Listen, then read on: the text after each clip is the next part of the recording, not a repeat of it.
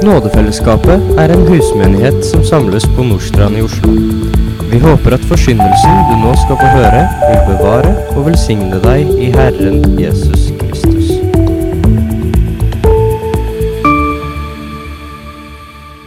Lønn det er noe de fleste syns er ålreit. Jeg hadde en kollega en, en, gang, og han var alltid tom for lønn et par dager før lønningsdagen. Og det var krise hvis den lønna kom en dag for seint. Skjønte ikke helt den der planlegginga der, men det, det, var i hvert fall tydelig at lønn det var viktig. Jesus han har i hele kapittel 10 så har han talt og undervist for sine tolv disipler om etterfølgelse. Og han har altså forberedt dem på at de skulle gå ut i praksis, men også forberedt dem på hva livslang tjeneste for ham innebærer. Og dette har vi jo brukt noen søndager på nå. Jesus forteller om hvordan man er en ambassadør for han, et, et sendebud, og hva et slikt sendebud altså kan forvente og møte. Og hvordan det er lurt å oppføre seg. Hva det vil kreve av en, og hvilke kostnader det vil ha.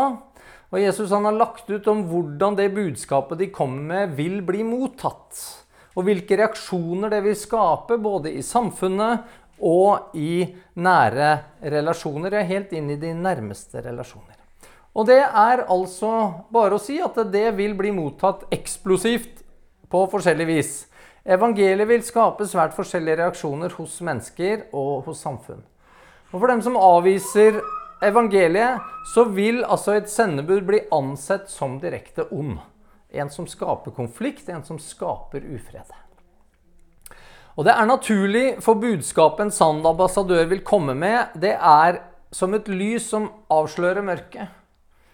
Alle som lever i mørket og har vært i mørket en god stund, også vi når vi har sovet i et veldig mørkt rom, vi syns at lyset det er ubeskrivelig ubehagelig akkurat når det blir skrudd på. Det er noe som blender oss. Det er noe som forsøker å vekke oss opp fra en tilstand som på mange måter en trives godt i. Og det er et budskap som påpeker at her lever man i et opprør mot Gud, og som begynner å avdekke synd, og som ikke bare det, men som stempler disse tingene som moralsk galt. Noe som er verdt straff. Et budskap som begynner å aktivere samvittigheten i et menneske. En samvittighet som veldig mange har forsøkt å kvele og forsøkt å fortie. En samvittighet som vil vitne om skyld og skam. Og alt dette er med på å skape uro og strid i et menneskes hjerte. Og denne tilstanden setter av mennesker på et valg om hva de nå skal gjøre, hvis de har begynt å høre på og ikke bare trekke dyna over eh, huet igjen. Og da må mennesker altså bli gitt mulighet til å velge noe annet. En sann ambassadør må derfor forkynne både det vi kaller lov og evangelium. Og det må forkynnes begge deler klart og tydelig.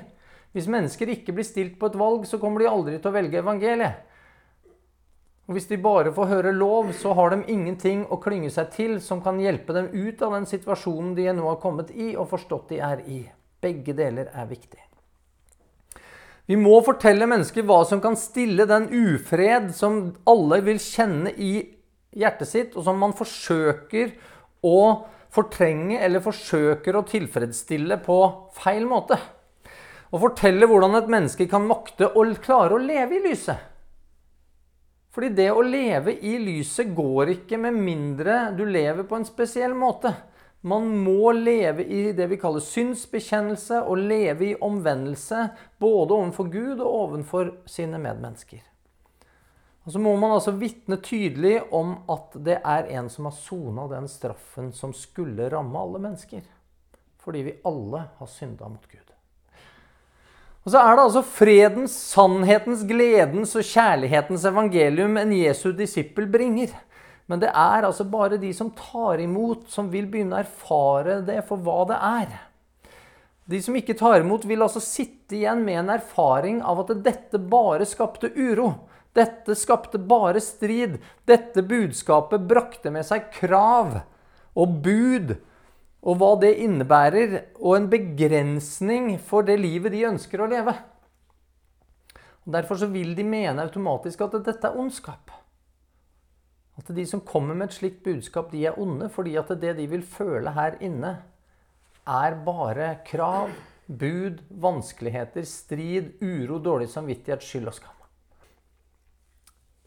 Og Pga. disse altså veldig diametralt motsatte erfaringene som det sanne kristne budskapet gir, så skaper det altså konsekvenser for et sendebud som Jesus nå har brukt kapittel 10 på å tydeliggjøre.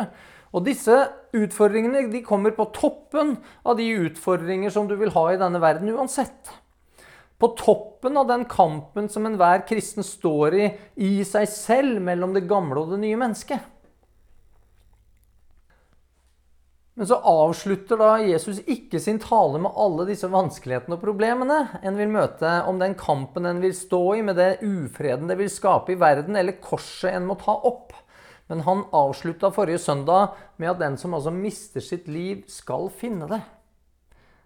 Det evige livet. Og så helt til slutt, i denne talen som han holder til sine disipler, i dette kapitlet så begynner Jesus å snakke om lønn. Så leser vi dagens tekst slik den står da i vers 40 til 42.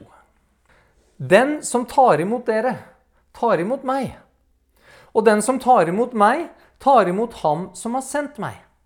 Den som tar imot en profet fordi han er en profet, skal få en profets lønn. Og den som tar imot en rettferdig fordi han er rettferdig, skal få en rettferdig manns lønn.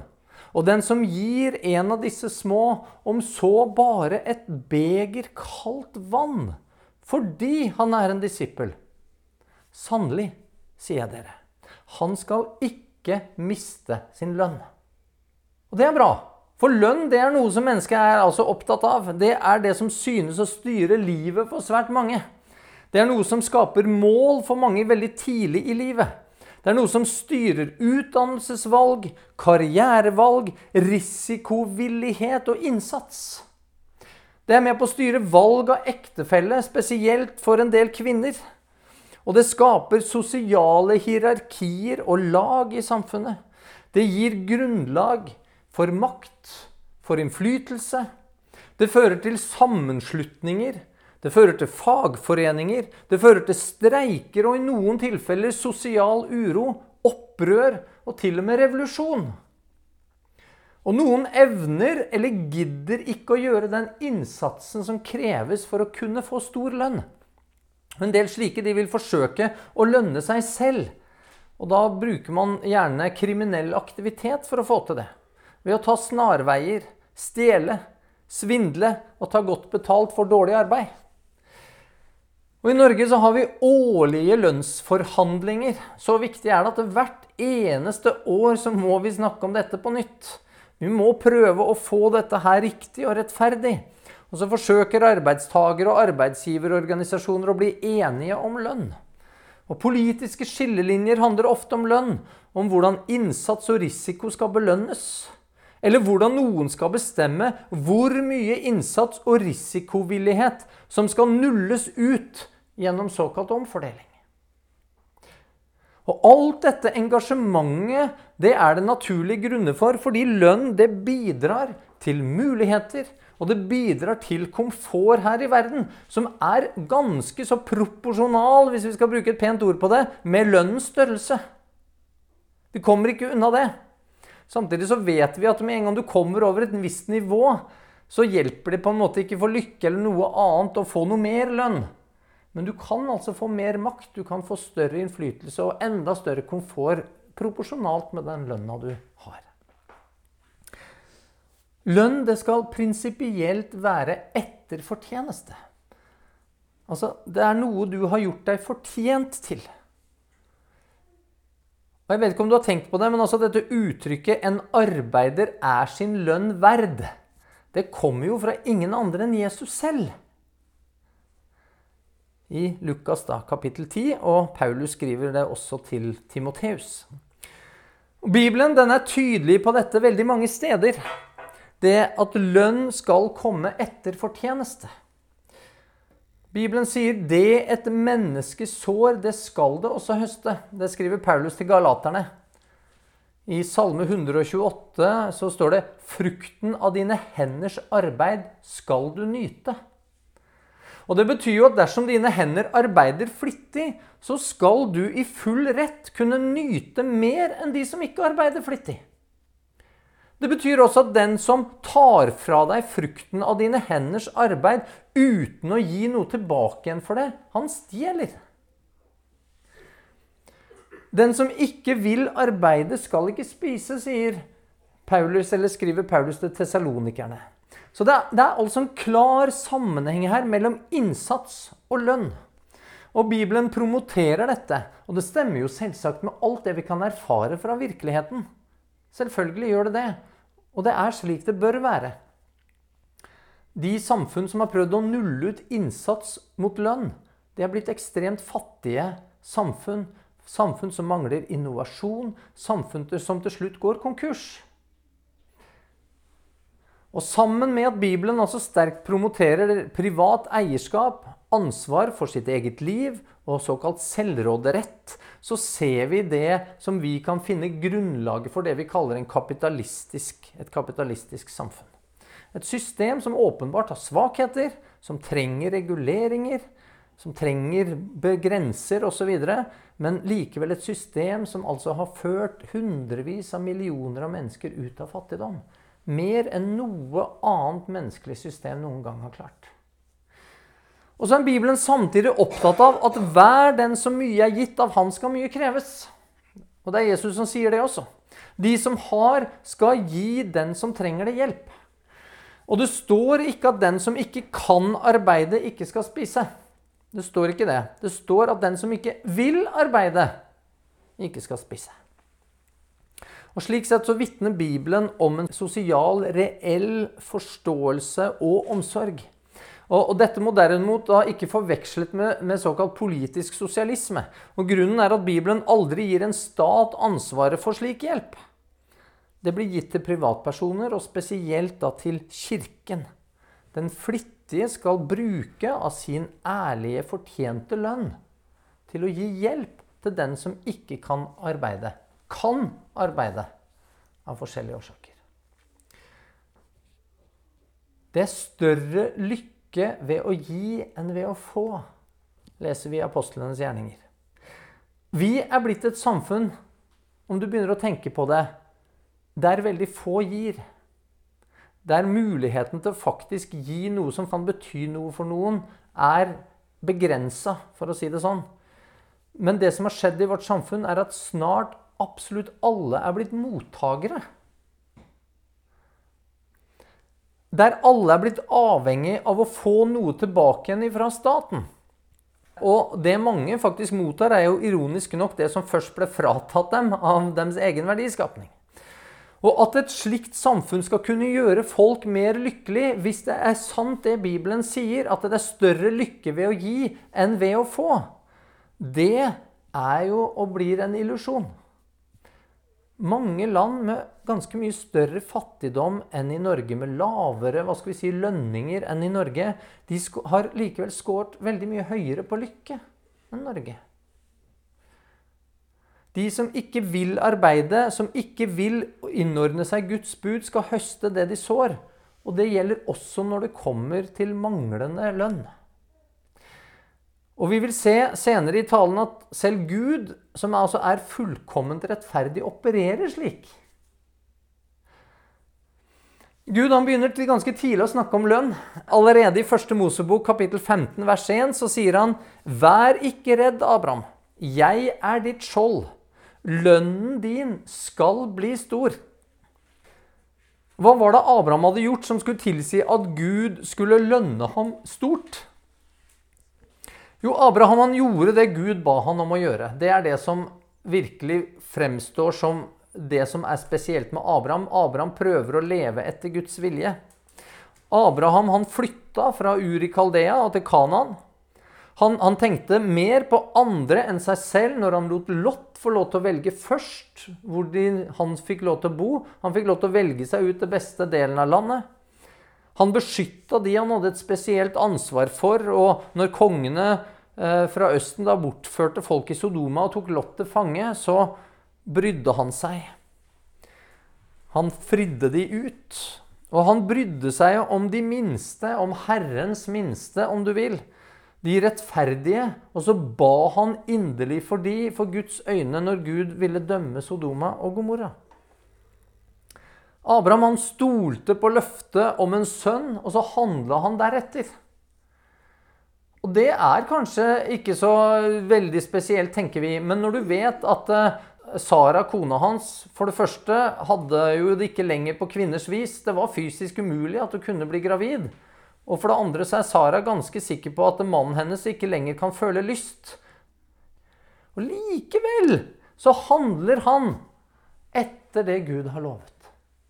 Det er ingen menneskelige ting her som skulle tilsi at dette skulle fungere. Men han gjør det. Han er lydig. Og så var han villig til å ofre Isak i lydighet og kjærlighet til Gud. Og akkurat det venner, det er som et ekko av forrige ukes undervisning. Når Jesus sier sant, at eh, den som elsker sønn eller datter mer enn ham, ikke er ham verd. Lydigheten overfor Gud gjorde at Gud lovet han stor lønn. Og denne lønnen, det, det var åpenbart noe som skulle komme i en framtid. Noe som han skulle få en gang. Men som han på mange måter aldri ville kunne nyte fullt ut her i dette livet. Og når Abraham døde, så var det faktisk ikke mulig menneskelig sett å tenke seg at denne lønnen kunne bli så stor. Abraham kunne umulig se det når han døde. Og Likevel så vitner altså historien helt fram til denne dag, når vi kan sitte her så lenge etterpå, at frukten fra Abrahams liv, den har vært enorm. Så Abraham han gjorde rett i å tro på Guds løfter. Og vi kan nok ane noe mer om storheten i den lønnen som venter Abraham, enn det Abraham selv kanskje kunne når han døde. Vi kan lese videre i Gamletestamentet om lønn. I historien om Ruth så får vi også høre om lønn fra Gud. Og der er det Boas. Altså Boas var en gjenløser. Det var han som hadde hva skal vi si, krav på seg til å hjelpe sin neste. Og dette bildet med Boas der er jo dette ufattelig vakre bildet fra Det gamle testamentet om Jesus Kristus som gjenløser. Og der altså Boas kommer inn og gjenløser en fremmed en moabittkvinne, en som ikke fortjente hans gjenløsning. Og Så kan dere merke dere hva det er Boas sier til Ruth. Herren skal lønne deg for det du har gjort. Jeg vet ikke om du skjønner hva jeg egentlig peker på her, men det står ikke at Boas sier 'Må Herren lønne deg'. Altså, jeg håper at Herren kommer til å lønne deg. Nei, han sier 'Herren skal lønne deg'. Hvordan kunne Boas, et menneske, begynne å love lønn på Guds vegne? Jo, her er grunnen. Boas han forteller om Ruth. Mer enn én gang har de fortalt meg om alt du har gjort for din svigermor etter at mannen din døde. Du forlot din far og din mor og ditt fedreland og dro til et folk du ikke kjente fra før. Ruth hun elsket noe mer enn sin far og sin mor. Da er vi tilbake igjen i forrige, forrige ukes tale.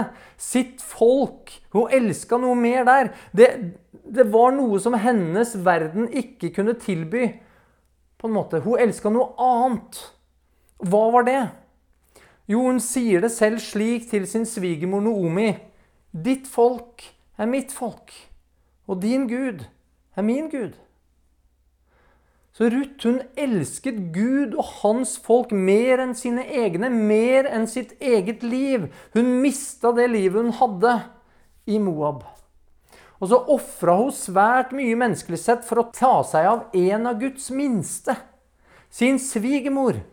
Og Boas han visste hva Moseloven sa. For Bibelen den forteller oss at det er spesielt to grupper som vi skal ha ekstra omsorg for. Og det er enkene og de farløse. Og Ruth tok seg av denne fattige enken som hadde mistet alt. En av Guds minste. Og Boas han garanterte lønn på Guds vegne. Og det kunne han fordi han kjente Guds vilje og var en rettferdig mann. Salme 19 forteller at Herrens lov er fullkommen. Snakker om at påbudene er rette, at budene er klare. At de er mer verdt enn mengder av gull og søtere enn ny og rennende honning. Og så konkluderer salmisten med at det, det gir stor lønn å holde dem. Det er stor lønn å holde dem. Igjen, det er snakk om lønn. Ordspråkene 13.13 13 sier 'Den som forakter ordet, går det ille'. Og ordet vet vi, det er Jesus Kristus. Den som forakter ordet, går det ille. Den som har ærefrykt for budet, får lønn. Igjen det samme. Å holde Guds bud har altså stor lønn. Å være lydig mot Guds vilje innebærer ikke bare velsignelse i dette livet, men lønn i det evige liv. Og Ordspråkene 11 vitner om holdbarheten av det en får. Der står det 'Den urettferdige vinner en lønn som svikter'. Den som sår rettferd, får lønn som varer. Og denne kollegaen min han hadde tydeligvis eh, ikke en lønn som varte, for den var altså brukt opp før neste lønningsdag. Men her altså får vi en lønn som varer. Ordspråkene 22,4 forteller noe om hva lønnen er. Hva er det du får som lønn? Der står det lønn for ydmykhet og gudsfrykt er rikdom, ære og liv.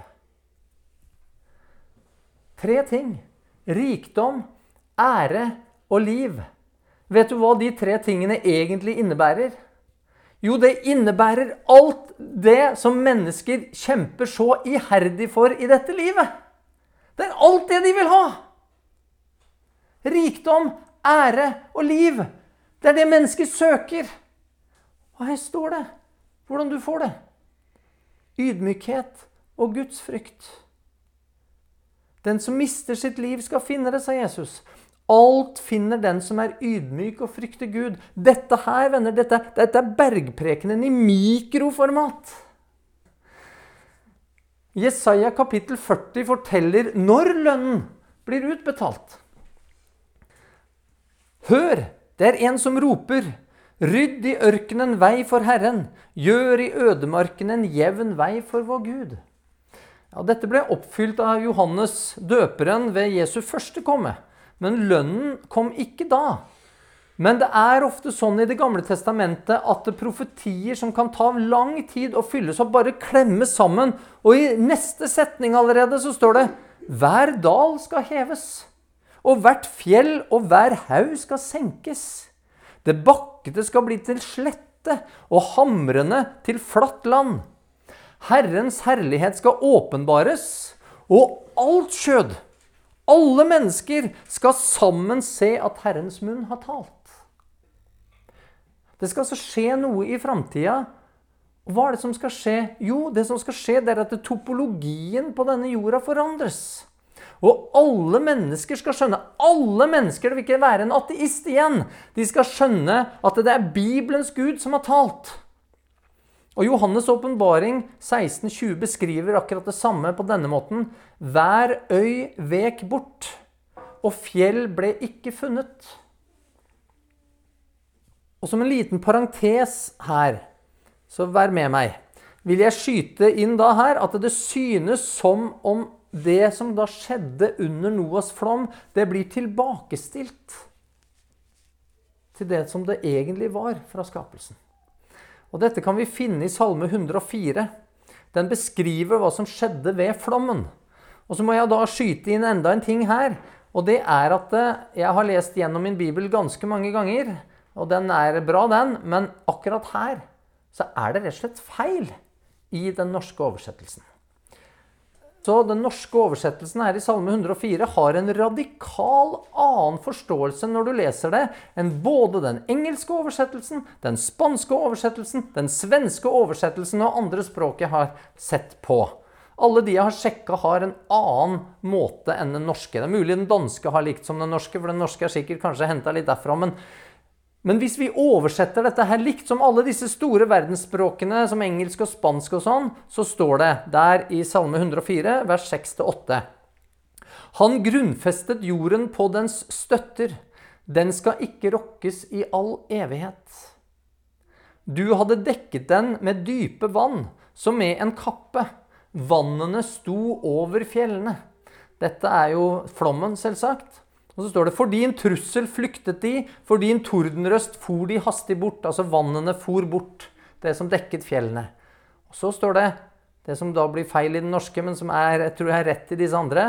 Der står det Fjellene steg opp, og dalene sank ned til det stedet du hadde fastsatt for dem. Så under flommen så beskriver salmisten at det som skjedde, det var at fjellene steg opp, og dalene sank ned. Bare sjekk din engelske bibel hvis du vil, hvis du lurer på om jeg tuller her nå.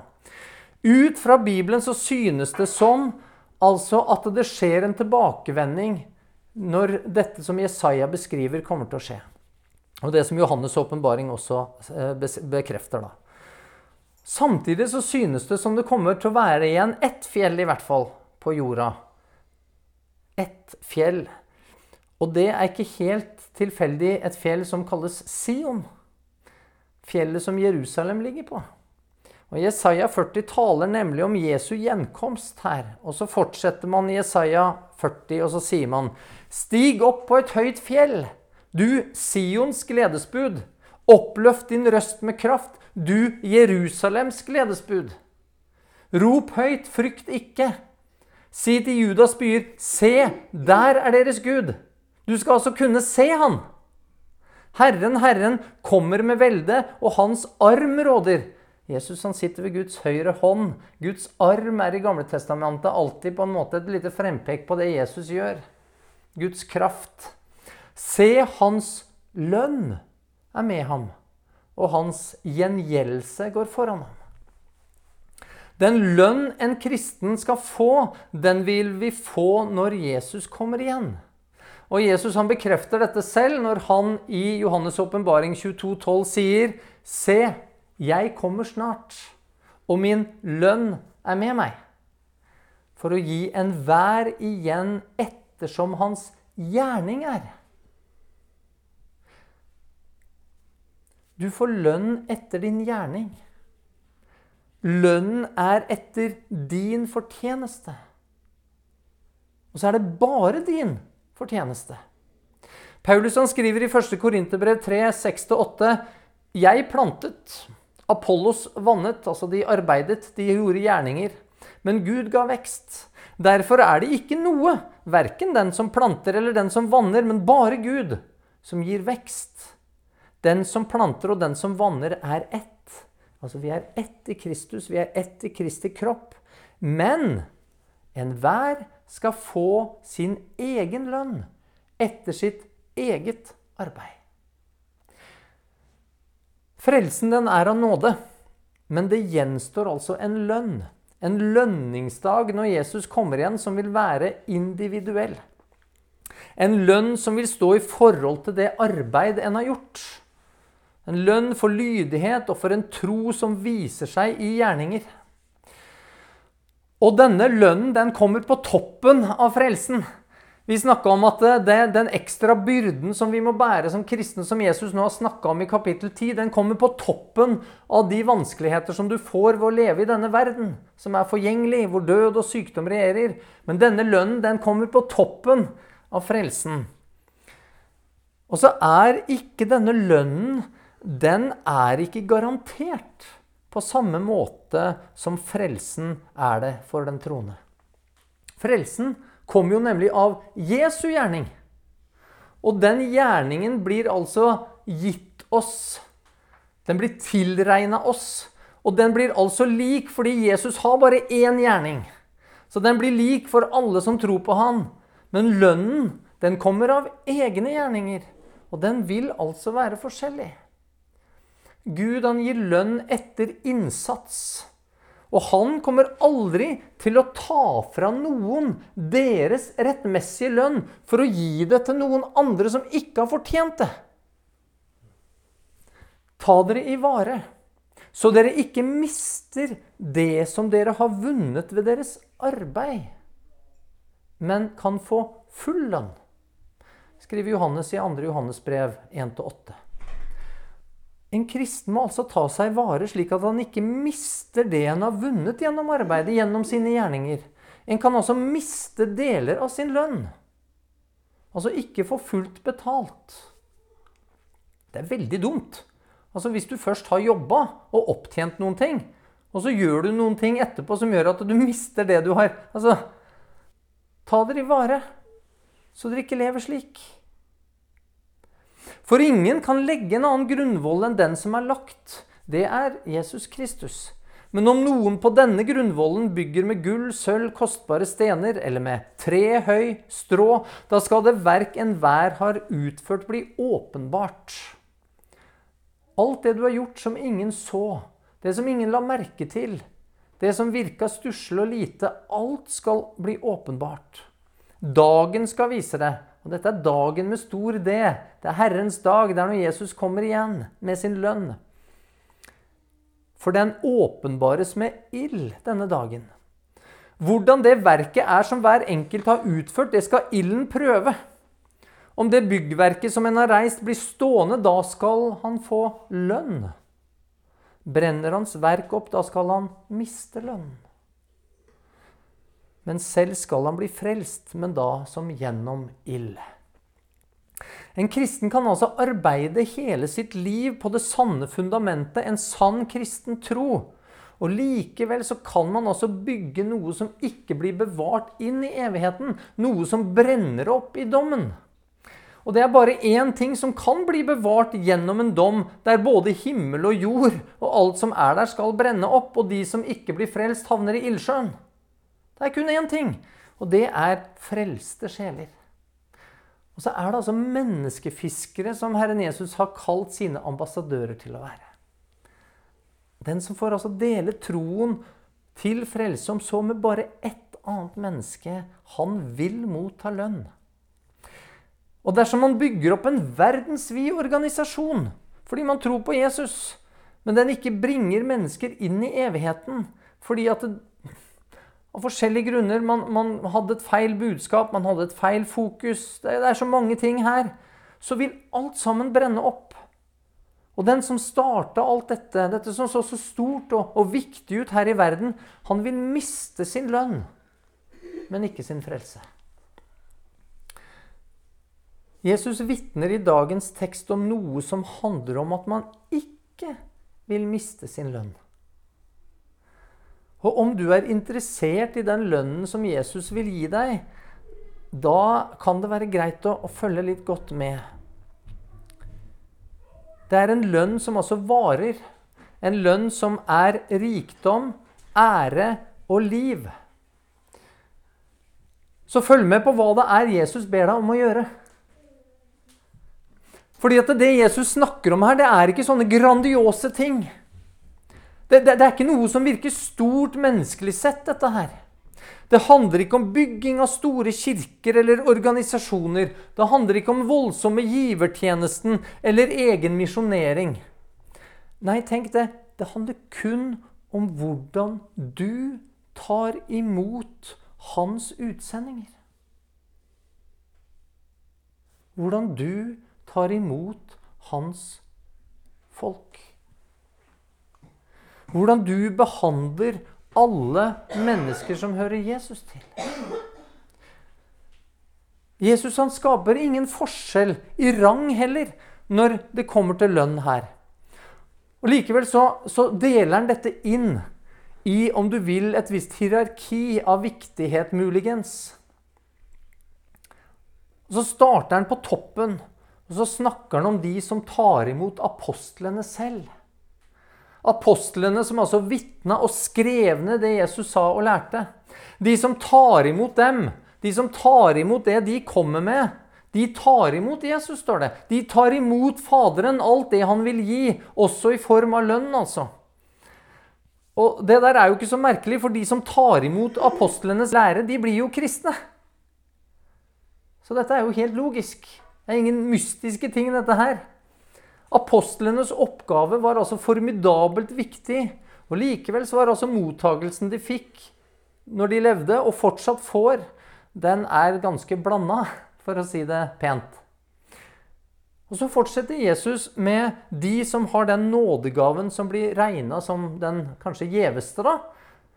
Det er de med profetisk nådegave. En viktig gave for menigheten, men det er altså en gave som er tung å bære, fordi en profet må tale sant inn i tiden. Han må si ting som garantert er upopulære, som er motstrøms, også innad i det såkalte kristne. Men de som tar imot en slik nettopp på grunn av hans tjeneste, på grunn av viktigheten i det han sier, fordi han er en profet, de er jo med og bidrar til den gjerningen som profeten står i. De støtter han. De hjelper han. De bygger han opp. De får hans budskap til å nå lenger ut. Ikke hans budskap, selvsagt, men det er jo, en profet taler jo Guds budskap. De er med og hjelper at dette kommer ut i folk og land og inn i menighetene. Og de taler vel om han, og de bygger han opp. De støtter den pastor som har denne nådegaven, og de verdsetter han. Og Jesus sier at de som gjør dette, selv skal få en profets lønn. Du trenger altså ikke ha profetisk nådegave for å få en profets lønn, venner. Er ikke dette her fantastisk? Tenk på den eller de som tok imot, støtta og ba for mennesker som bidro til massive vekkelser opp igjennom historien, fordi de talte profetisk inn i sin tid. Slike vil få del i den lønnen profeten vil få for det arbeidet. De får altså ikke lønn for andres arbeid. Det har vi sett på, det er Bibelen veldig tydelig på. Men en blir regnet med som en del av et arbeidslag. Det er vi vel ikke overraska over. Vi er alle lemmer på Kristi kropp. Vi er like viktige. Ingen kan si at noen av lemmene på kroppen er uviktig. Alle blir regna med. Og dette venner, dette er som en sosialist sitt drømmescenario. Der det ikke bare er mannen på toppen som liksom skummer fløten av andres arbeid og innsats. Nei, for Gud som ser og forstår alle ting, han vil gi en lønn som er helt rettferdig. Fordelt etter all innsats og all støtte som er gjort. Der alt regnes med. Også den som satt stille i et rom og ba. Ba for denne profeten, som husa han i sine hjem. Som talte vel om han og forsvarte han som kokte kaffe og man reiste rundt og forkynte sine ord til oppbyggelse, formaning og trøst. Og dette er en umulighet å få til her i verden, men ikke for Gud. Og Så fortsetter Jesus som du vil med den, med den jevne kristne. Den rettferdige. Den som tar imot en rettferdig, som tar imot en kristen fordi han er en kristen som støtter han, hjelper han, de vil få en rettferdig manns lønn. Ja, den som ser til en av Jesu minste, sånn som Noomi var i forhold til Ruth. Den som kanskje ikke klarer stort, som har rota det til økonomisk, eller, eller falt slik at de sitter i fengsel.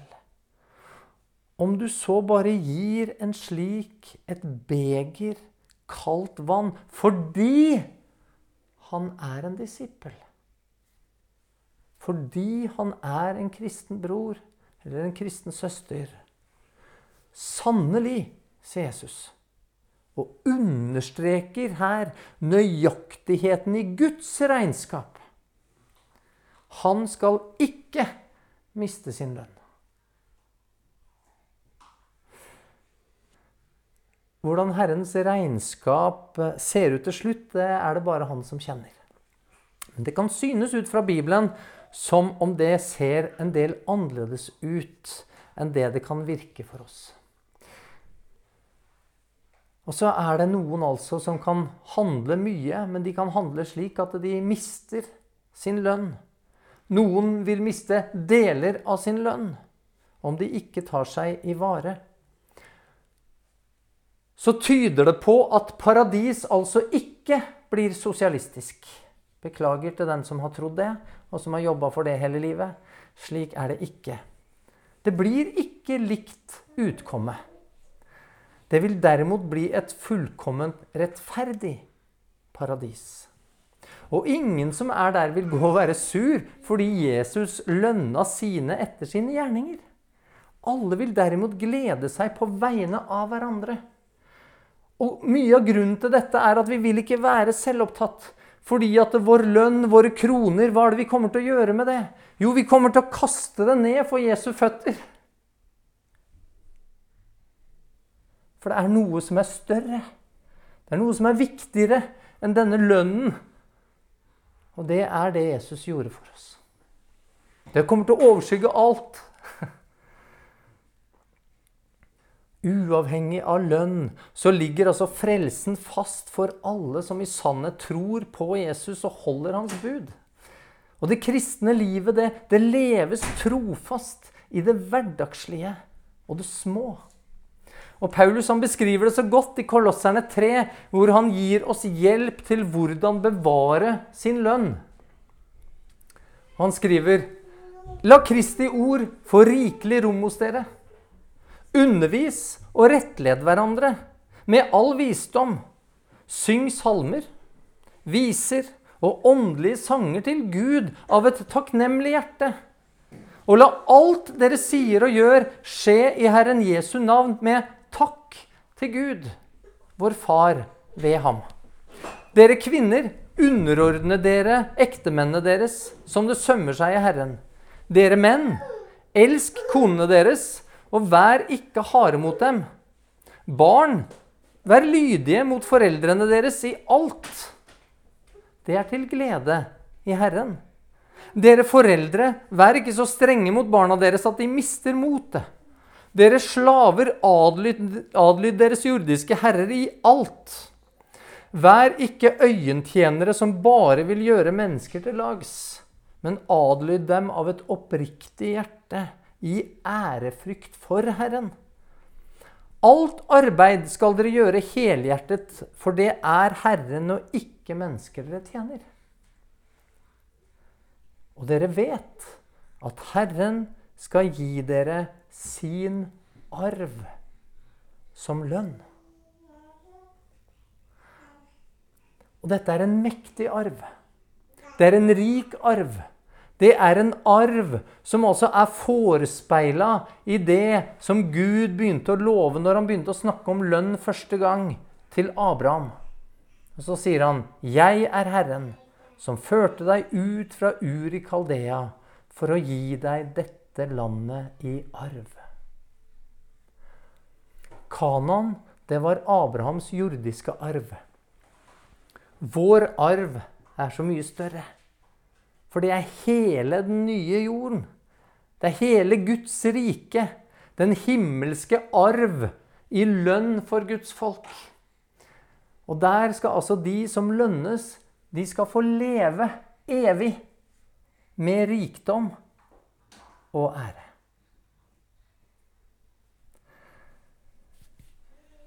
Kjære Herre, vi takker deg for uh, ditt ord til oss. Vi takker deg, Herre, for at du er rettferdig. Vi takker deg mest av alt, Herre, for at frelsen den får vi ufortjent, og ikke som lønn, for da hadde ingen av oss kunne fått den og ta imot den. Vi takker deg også, Herre, for at du er rettferdig når det kommer til lønn. Du gir etter de gjerningene som er gjort, men du kjenner alle ting, Herre. Og den lønn som vi mottar der, den vil virkelig vise seg å være rettferdig. Enten man får mye av den, eller mindre av den, eller faktisk mister sin lønn fullstendig. Herre, vi ber deg om at vi kunne ta oss i vare. Vi ber om at vi kunne leve slik, at vi bevarer lønnen, at vi kunne arbeide slik og leve med hverandre og med våre kristne medbrødre, enten det er i forhold til apostlenes lære eller profetene som du sender oss, eller den jevne kristne eller den aller minste iblant oss, Herre. Herre, la oss leve slik mot de at vi bygger opp og hjelper og ber av omtanke og er lydig deg etter alt, slik at vi ikke mister vår lønn, for du har sagt at den som gjør disse tingene, kommer garantert ikke til å miste den. Herre, la oss leve slik, trofast i det stille, i det små, Og så har du lovet at du vil sette oss over enda større ting. Det takker vi for og ber for i Jesu navn.